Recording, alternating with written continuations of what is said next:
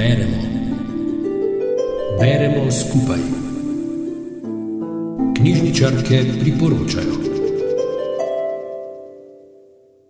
Brodnik je naslov zgodovinskega romana iz življenja založnika slovenske moderne začetka 20. stoletja Lavoslava Šventnerja. Veliko je znanega o njegovi založniški in knjigotrški dejavnosti, o njegovem osebnem življenju pa vemo mnogo manj. Avtorica Tanja Tuma je seveda morala preplesti oboje. Da ji je to uspelo, je dobro proučila čas, navade in značaje ljudi, ki so spremljali tega pomembnega moža. V romanu se prepletajo realne in izmišljene osebe, pa tudi dogodki. Lavoslav Šventner se je rodil leta 1865 na Vranskem v trgovski družini. Po končani gimnaziji v celju se je doma učil knjigovodstva in korespondence. Ko je izvedel, da je na prodaj knjigarna v Brežicah, se je odločil za izobraževanje za knjigotrški poklic na Dunaju in v Pragi. Po vrnitvi domov je res prevzel knjigarno v Brežicah, hkrati s knjigotrštvom pa se je posvetil tudi založniški dejavnosti. V tistem obdobju so se zavedni slovenci zbirali v tako imenovanih čitalnicah, kjer so prirejali razne kulturne dogodke.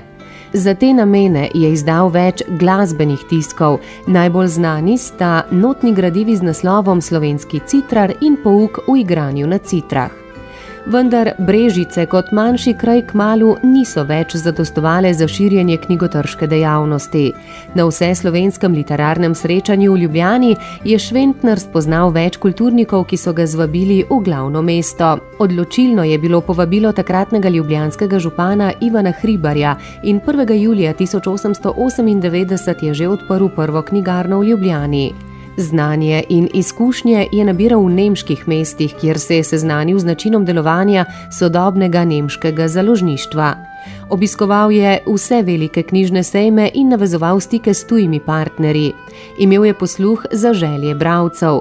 Kot knjigotržec je prodajal tudi knjige drugih založb in uvožene knjige. Imel je dobro razvito mrežo stalnih strank naročnikov knjižnih novosti.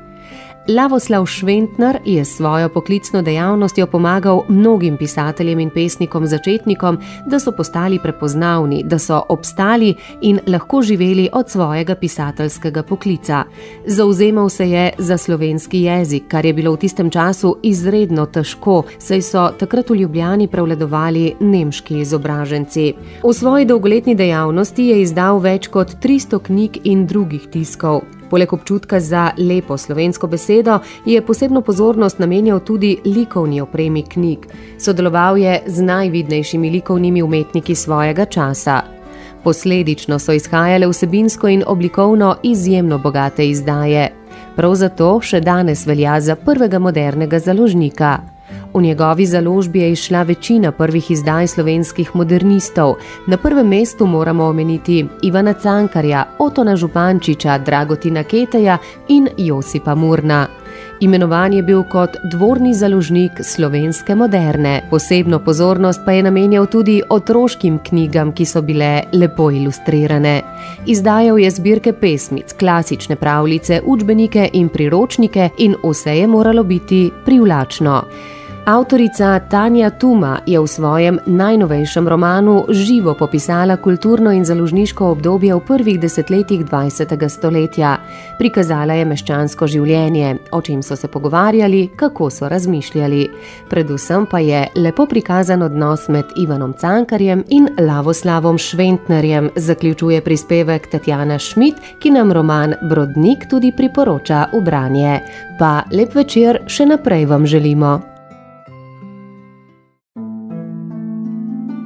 Rubrika Beremo skupaj nastaja v sodelovanju z Radijem Sora.